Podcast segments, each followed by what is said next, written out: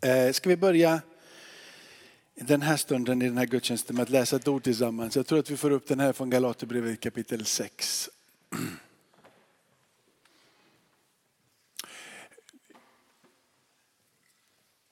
Bara lite, lite bakgrund kort här. Alltså när Paulus skriver eh, brevet till människorna runt omkring Galatien så eh, det här området som man, som man skriver till är ju inget judaområde. Det är alltså inte del utav, utav Israel utan eh, det här är ju hedningar som bor på det här området. Ungefär så som du och jag, vi, vi har våra rötter i någon religion, asagudar eller vad vi nu liksom så Det är ett område som, som tillbör olika typer utav, utav gudar. Eh, avguderi helt enkelt, alla möjliga olika, en, en, en stor variation och blandning av olika saker som de tillbad. Eh, och så, så, så på sina missionsresor där så eh, kommer Paulus dit och predikar en evangelium och så blir de, blir de frälsta och de blir förvandlade. Eh, och så när, när Paulus skriver det här brevet så skriver han inte det här brevet för att eh, korrigera dem. och säga Ni är ganska usla kristna. Liksom. Det är inte därför han skriver brevet och talar om för att ni är värdelösa. Ni borde bättra er, ni borde skärpa er, ni, ni är liksom omoraliska och ni, ni har liksom ingen hunger i er att komma vidare. Utan det är snarare tvärtom i det här brevet. Han, han skriver, äh, det vad ni kämpar. Ni försöker bli så otroligt bra. Eh, och han, så han klankar inte ner på att de försöker bli, bli bättre egentligen. Men vad han slår på här, att ni nu lutar emot det. Han säger ni, väldigt, ni, ni är så otroligt fina och härliga och ni kämpar så väl och ni gör det här så otroligt bra. Ska ni nu luta er på det? Som om det är vägen till Gud. Är det det som är det nu det centrala i er vandring? Och så, så säger Paulus, kom igen. Kommer ni inte ihåg hur ni tillbar andra gudar? Kommer ni inte ihåg hur jag enkelt kom in och sa att Jesus finns? Jesus har dött för er. Jesus Kristi nåd. Och det är det som är hela andedräkten i det han skriver. Att inte luta sig på, eh, på, på mina ansträngningar, jag som en god människa. Utan på det verk som Kristus har gjort. Det är andedräkten i alltihop. Och jag kommer komma tillbaka här en liten stund. Jag får, troligtvis stannar jag i Galaterbrevet under hela, under hela oktober här och, och vänder och vrider på det här lite grann. Eh, men eh, men det, jag är ju nyckfull så det kan jag inte säga rätt snabbt med det där.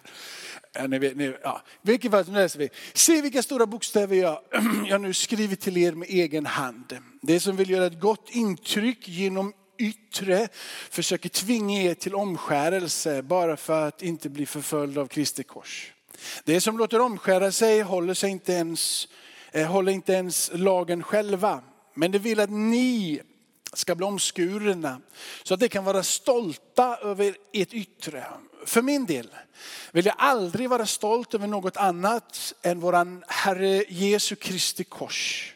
Genom vilket världen är korsfäst för mig och jag för världen. Det har ingen betydelse om man är oomskuren, eller om man är omskuren eller oomskuren. Det viktiga är att vara en ny skapelse. Frid och barmhärtighet över dem som följer denna regel och över Guds Israel. Nu får ingen ge mig mer besvär. För jag bär Jesu märke på min kropp. Och Herre Jesu Kristi nåd var det med eran ande bröder Amen. Om man ska komma ihåg när han skriver detta så skriver han det utifrån att ha blivit slagen utav eh, judarna med piska tre gånger. Eh, 39 slag, 40 slag anses att då dör man så man fick bara 39 slag. Så, och de här piskorna var troligtvis med något med lite ben på och så vidare. Så han var ganska uppskuren. Han hade troligtvis ärr över hela kroppen. Han har blivit eh, stenad en gång och de tog han för att vara död. De tar ut honom ur staden och mirakulöst så är han inte död. Han har också blivit piskad utav romarna. Så när han säger att, att han bär någon någonting, eh, Emil, på, på sin kropp här, om du kunde bara gå tillbaka här. Så, så är det så här att han, han, han eh, bär på sin grobb eh, bara genom att du såg på honom vad det innebär att följa Jesus.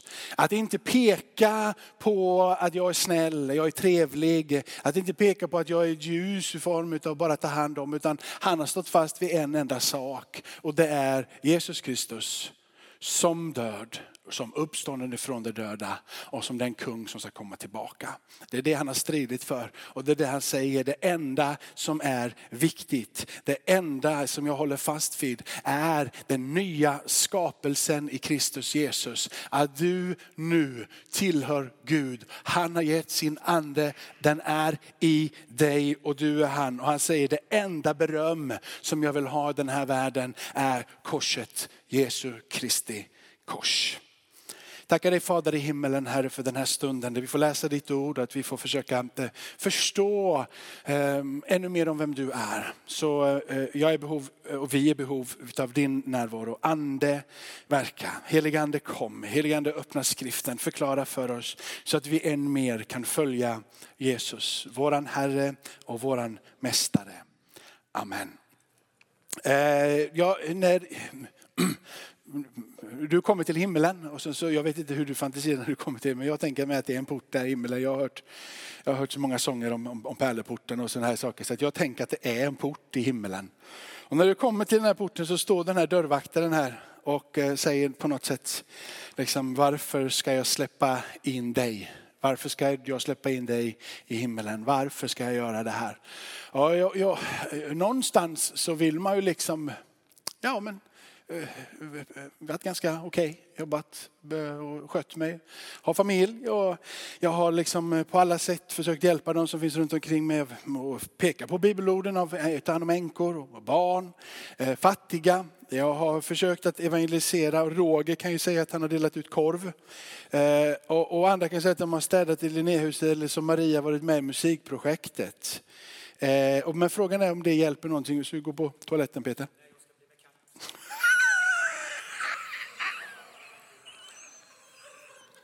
Ni som lyssnar på detta på radio eller vad heter det på inspelning så ska Peter bli med katt. Det är därför han gick härifrån. Det var, det var viktigt. När du står, du står där inne, det är en härlig plats det här. För några veckor skulle han ha en undulat som flög omkring fritt i lägenheten och blommor överallt. Så ni får kolla ifall han har skaffat undulaten än.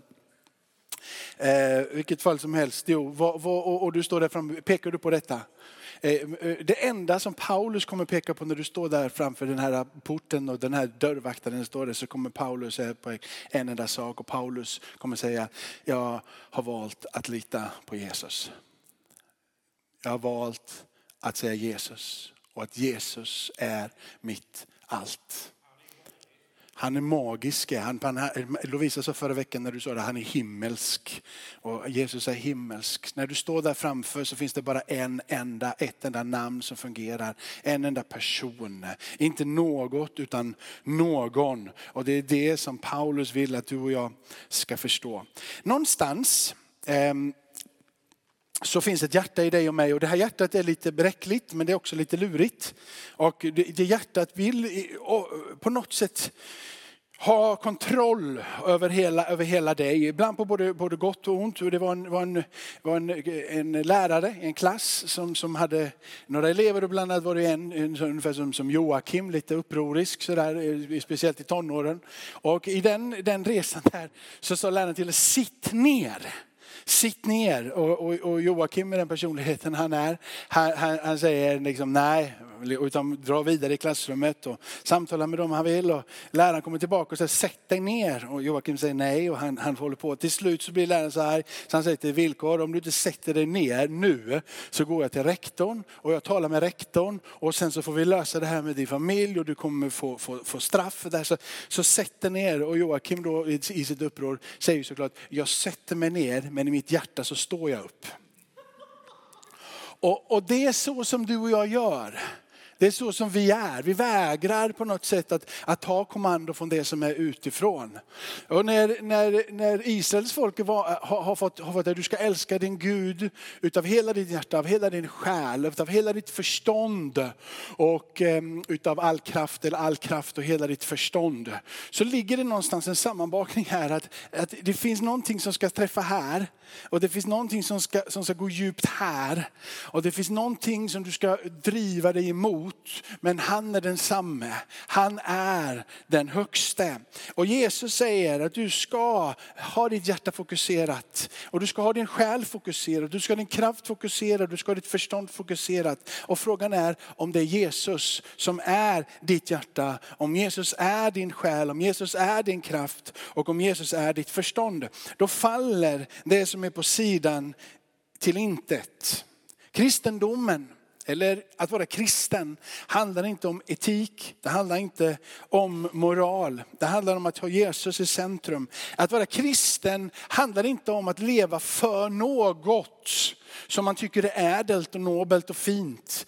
Att vara kristen handlar om att leva med någon tillsammans med någon, in i en relation med någon. När de yttre sakerna är det som är det viktiga så faller personen som du blev förälskad i, personen som kom in i ditt liv, personen som gjorde att du valde att lämna det andra åt sidan, det fall platt för de saker som nu har blivit något, musik eller att hjälpa folk eller vad det nu än må vara. Men kristendomen bärs inte upp. Evangelium kan inte predikas genom att hjälpa den fattige eller att sjunga lovsång eller att be eller vad det nu än må vara. Evangelium bärs upp av en enda sak och det är evangelium i sin fulla kraft predikat utifrån korset att Jesus Jesus är enda vägen. Kristendomen är inte pluralism.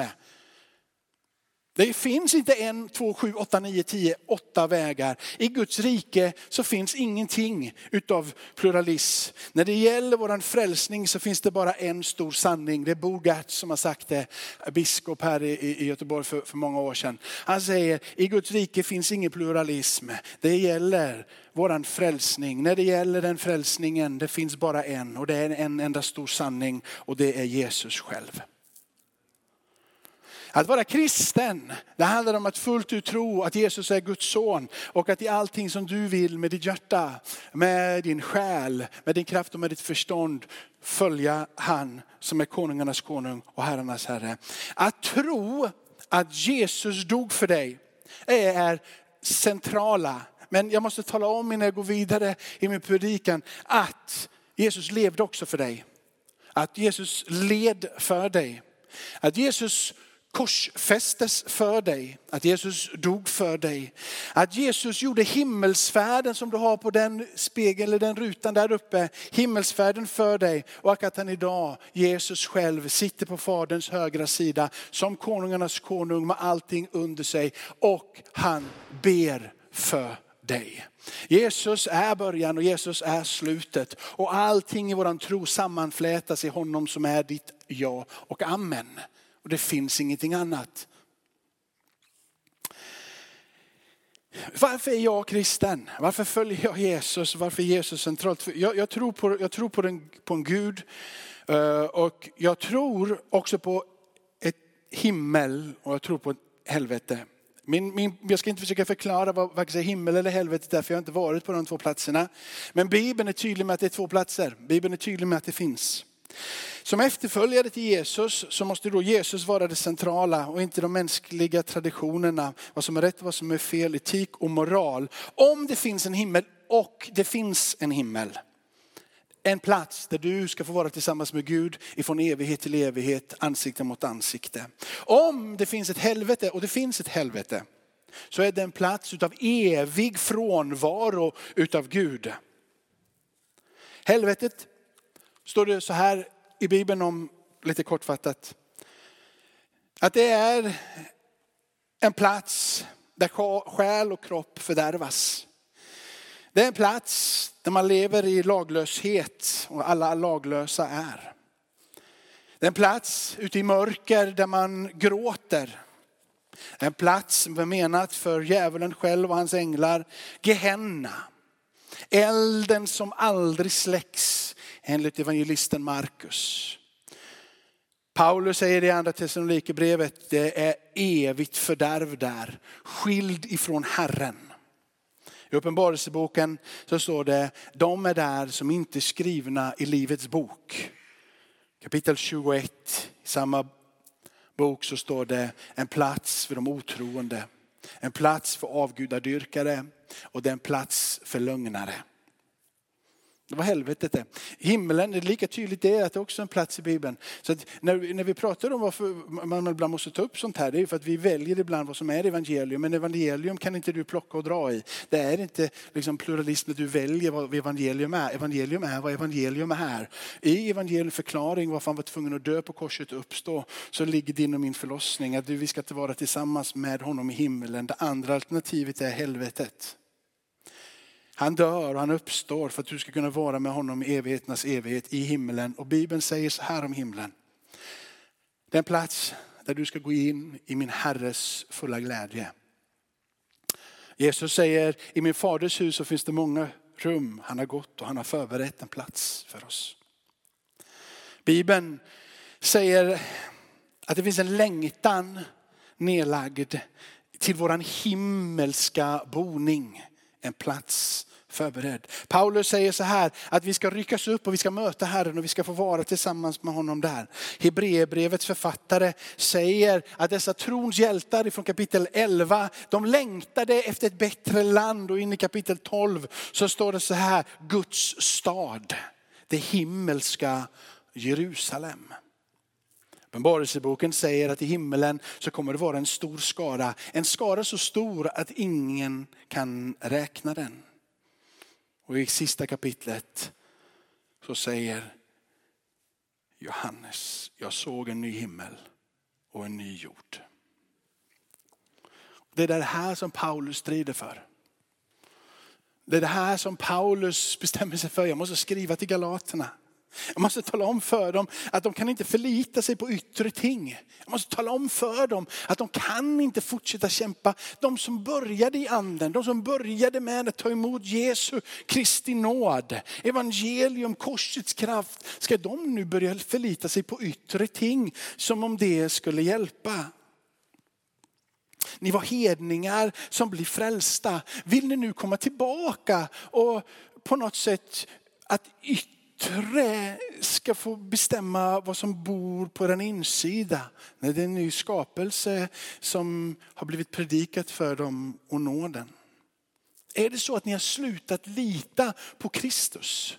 Har ni slutat lita på evangelium och kraften som kommer därifrån? Har ni slutat lita på det? Ger ni nu i hän åt att försöka styra upp era liv? Är det där som ni finner er frälsning? Och hur är det med oss idag?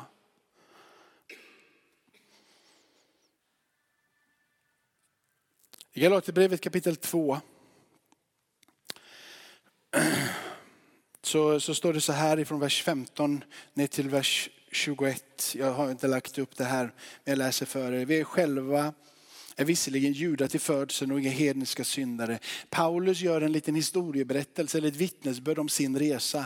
Hur det började så bra för de här eh, härliga människorna som hade gått runt omkring Jesus, apostlarna och sen rörelsen i Jerusalem. De hade tagit emot men så kom, uppstod tvisterna för dem själva. Hur mycket av lagen ska vi följa? Vi är ju judakristna. Hur mycket ska vi leva upp till? Vad är det vi ska följa? Vad är det vi ska göra? Och så gör Paulus en, en, liksom en liten historieberättelse för, för människorna i Galatien att tala om att kom igen, vi har haft det här bekymret hos oss. Vi har pratat om det här, vi har vänt och vi har vridit. Och det är väldigt många som försöker att leva efter yttre saker som ett bevis på en inre förvandling. Men Paulus säger det håller inte. Varför ska, ni, varför ska vi ge bort det absolut dyrbaraste evangeliumen? I evangeliet. Det är den, om den inre förvandlingen genom att anden som blir utgjuten ifrån Fadern, anden som tar på plats på insidan. Varför ska vi byta bort det mot yttre ting? Och så argumenterar han och så lägger han upp det här caset för människorna i Galatien. Och det är därför som det blir nästan som man tror att han skriver till, till, till judarna. Han gör en förklaring om gör inte samma misstag nu. Och han talar till och med om här, om ni väljer att gå den vägen så har ni blivit förhäxade. Ni har blivit lurade. Går ni den yttre vägen så har ni blivit vilseledda utav djävulen själv. Lyssna inte på sånt. Det är inte ett evangelium som har predikats för er utan det är lagen. Det är någonting som kan bara tala om vad som är synd men aldrig kan ta bort synden. Men eftersom vi vet att människan inte förklaras rättfärdig genom laggärning utan genom tron på Jesus Kristus har också visat våran tro till Kristus. För att vi ska stå som rättfärdiga genom tro på Kristus, inte genom laggärningar. Ty genom laggärningar blir ingen människa rättfärdig. Men om vi genom att söka rättfärdigheten i Kristus visar oss vara syndare, skulle då Kristus stå i, syndaren, i syndens tjänst? Nej, åter nej. Men om jag bygger upp igen det som jag har rivit ner, då står jag där som en överträdare. Ty jag har genom lagen dött bort från lagen för att jag ska leva för Gud. Jag är korsfäst med Kristus. Och nu lever inte längre jag, utan Kristus lever i mig. Och det liv jag nu lever i min kropp, det lever jag i tron på Guds son som har älskat mig och utgivit sig för mig. Jag förkastar inte Guds nåd. Om rättfärdighet kunde vinnas genom lagen, då hade Kristus dött förgäves. Paulus kan inte bli mer tydlig. Det finns en enda sak som är viktig för honom och det är att Jesus har dött och att han har uppstått. Allting annat är helt sekundärt. Han är inte emot att vi ska sträva för ett bättre liv, men han är emot när vi försöker luta oss på det. Eller med mina handlingar säga, titta på mig, jag är frälst. Titta på mig, hur duktig jag är, jag är frälst. Titta på mig vad jag inte gör, jag är frälst. Jag gör inte det, jag är ingen bankrånare. Titta på mig. Eller, jag är så duktig, titta på mig. Inget av det lutar sig Paulus på när det kommer till frälsningen. Han lutar sig på en enda sak och det är på Jesu blod. Han går vidare in i Galaterbrevet från kapitel 3 och läser de första verserna. Dåraktiga galater. Vem har förhäxat er? Ni fick ju Jesus Kristus målad för era ögon som korsfäst. En enda sak vill jag veta från er. Fick ni anden genom handpåläggning eller genom att lyssna i tro? Är ni så dåraktiga, ni som började i anden, ska ni nu sluta i köttet? Har ni lidit så mycket förgäves, om det nu var förgäves? Han som ger er anden och gör underverk bland er, är det för era laggärningar eller för att ni lyssnade i tro? Om Gud gör något, är det för att vi med våra yttre saker har gjort oss värda att ta emot någonting. Då är nåden spilld ur kraft nåd, oförtjänt tar vi emot någonting ifrån Gud, kan aldrig berömma oss av det, kan aldrig ta det, kan aldrig säga att jag förtjänar det. Då är det inte längre nåd. Han säger att, ska ni nu säga att vi har bett, vi tar hand om den fattige, vi gör alla dessa saker. Gud, du måste vända dig till oss. Han säger nej, det är förhäxning.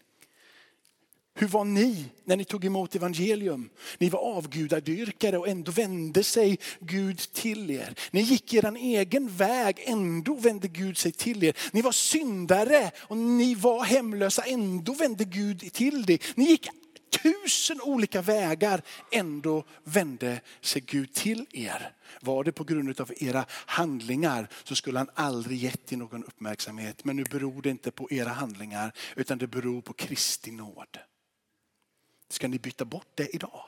Nu när ni har tagit emot sanningen om vem han är. Ska ni förkasta den ljuvligheten, diamanten, det guldet, det som har förvandlat era liv. Ska ni byta bort det mot yttre saker idag? Hur dåraktiga är ni galater och hur dåraktiga är ni här idag? Och så börjar han blanda in och gjort här Abraham. Han säger att ni lyssnar i tro som Abraham. Han trodde Gud och det räknade honom till rättfärdighet, det vill säga Abraham. Därför ska ni veta att det som tror, det är Abrahams barn. Tro, tillit. Abraham, han blev kallad i, i kapitel 12 i första Mosebok. Eh, men låt oss öppna Josua, kapitel 24. Det är precis efter femte Mosebok så har du Josua. Och eh, när han går in för, för, för, sitt sista, sista tal, sista landningen, när han ska liksom summera någon form av gärning, denna Josua, efterträdare till Mose, så, eh, så eh, säger han ungefär samma. Abraham har samma position som ni galater och Abraham har samma position som vi svenskar. Det vill säga att han inte kände Gud. Det står så här ifrån kapitel 1 och bara några verser ner. Josua samlade alla Israels stammar till Sikam. Han kallade till sig de äldste i Israel, dess huvudmän, domare, tillsyningsmän. Och de trädde fram inför Gud och Josua sade till folket, så säger Herren, Israels Gud.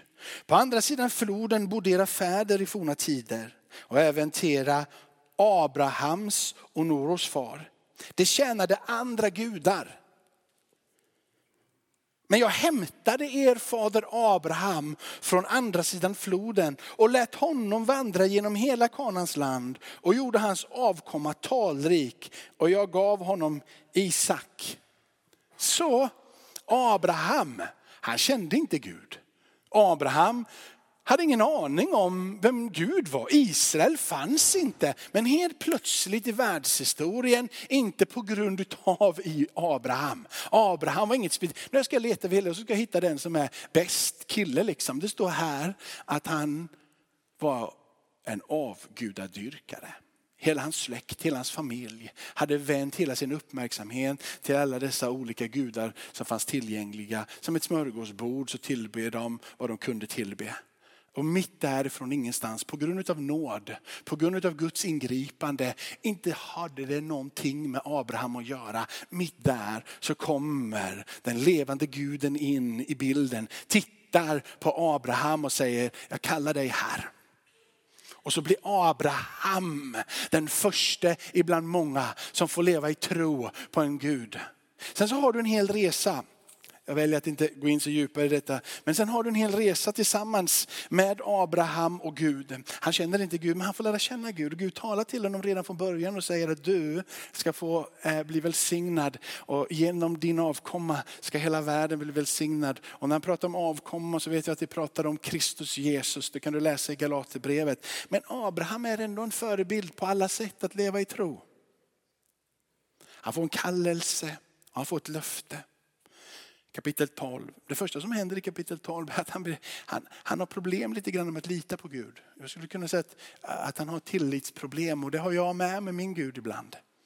Jag har svårt ibland att bara lägga allting i Jesu händer och bara lämna allting. Men Abraham fick lära sig att lita på Gud. Och det kan du och jag också få bli inbjudna till, att lära oss att lita på Jesus. I den här berättelsen i kapitel 12 så kommer han till Egypten och han är rädd att de ska ta hans fru ifrån honom. Så han ljuger och säger det här är min syster, då får vi nog leva. Han hittar på en liten, en liten lögn för att klara sig på grund av att han ännu inte litade på Gud.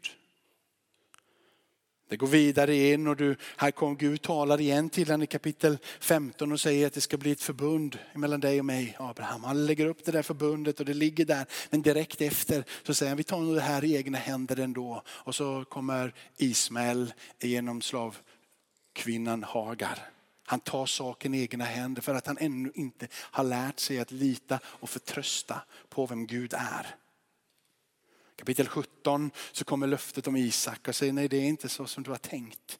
Utan Sara trots att hon är gammal, du Abraham står det 99 år gammal, här ska föda en son vid dessa äldre dagar. Och eh, Abraham väljer nu att lita på Gud. När Isak växer upp så tar han med sig honom ut i öknen för att han är redo att till och med offra honom till Gud. Och nu har Abraham lärt känna vem Gud är genom en vandring tillsammans med honom över åren.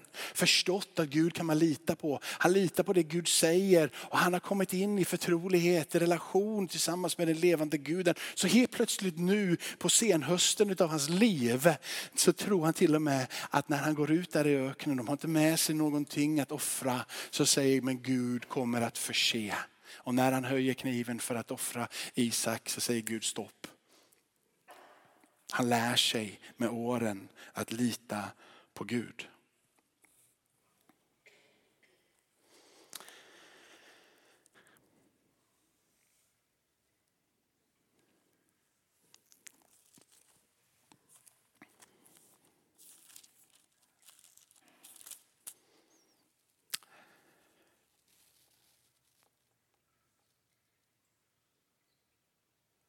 Om du går vidare sen i Galaterbrevet så är det tydligt hur han säger att förlita er inte på det som bara kan tala om vad som är fel.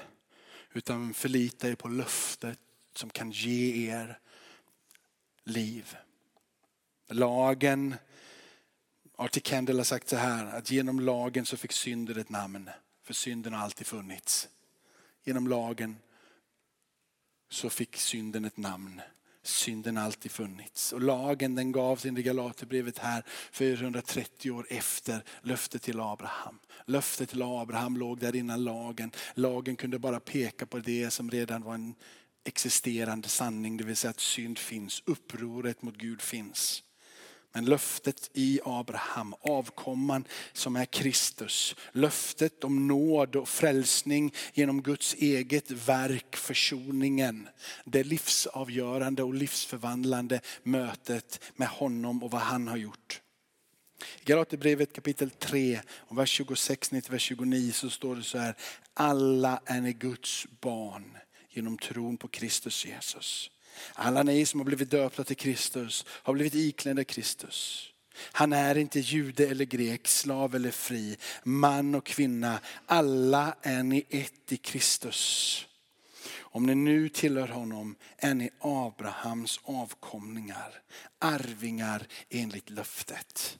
Gud vill lära dig att lita på löftet. Gud vill lära dig genom hela livet att förlita dig på korsets kraft. Löftet i honom, frälsning, inte genom de yttre handlingarna som antingen ett bevis på att du är frälst eller ett icke-bevis på att du är frälst. Hur du nu än väljer att möta dina handlingar utifrån. Utan det livsförvandlande verket, den nya skapelsen givet genom anden. Det förvandlande livet som bara kommer ifrån Gud. Hur tar jag emot det här? Hur lever jag i det här? Tro är ett del av det. Att ta emot den nya skapelsen. Korset, Jesu blod är en del av det och anden är en del av det. Det är tre delar för att ta emot den nya skapelsen. Men tron är inte så pass att du kan växa i den. Den frälsande tron är det inte någonting som du kan, idag är jag stark i tro så idag kan jag säga nej till begären.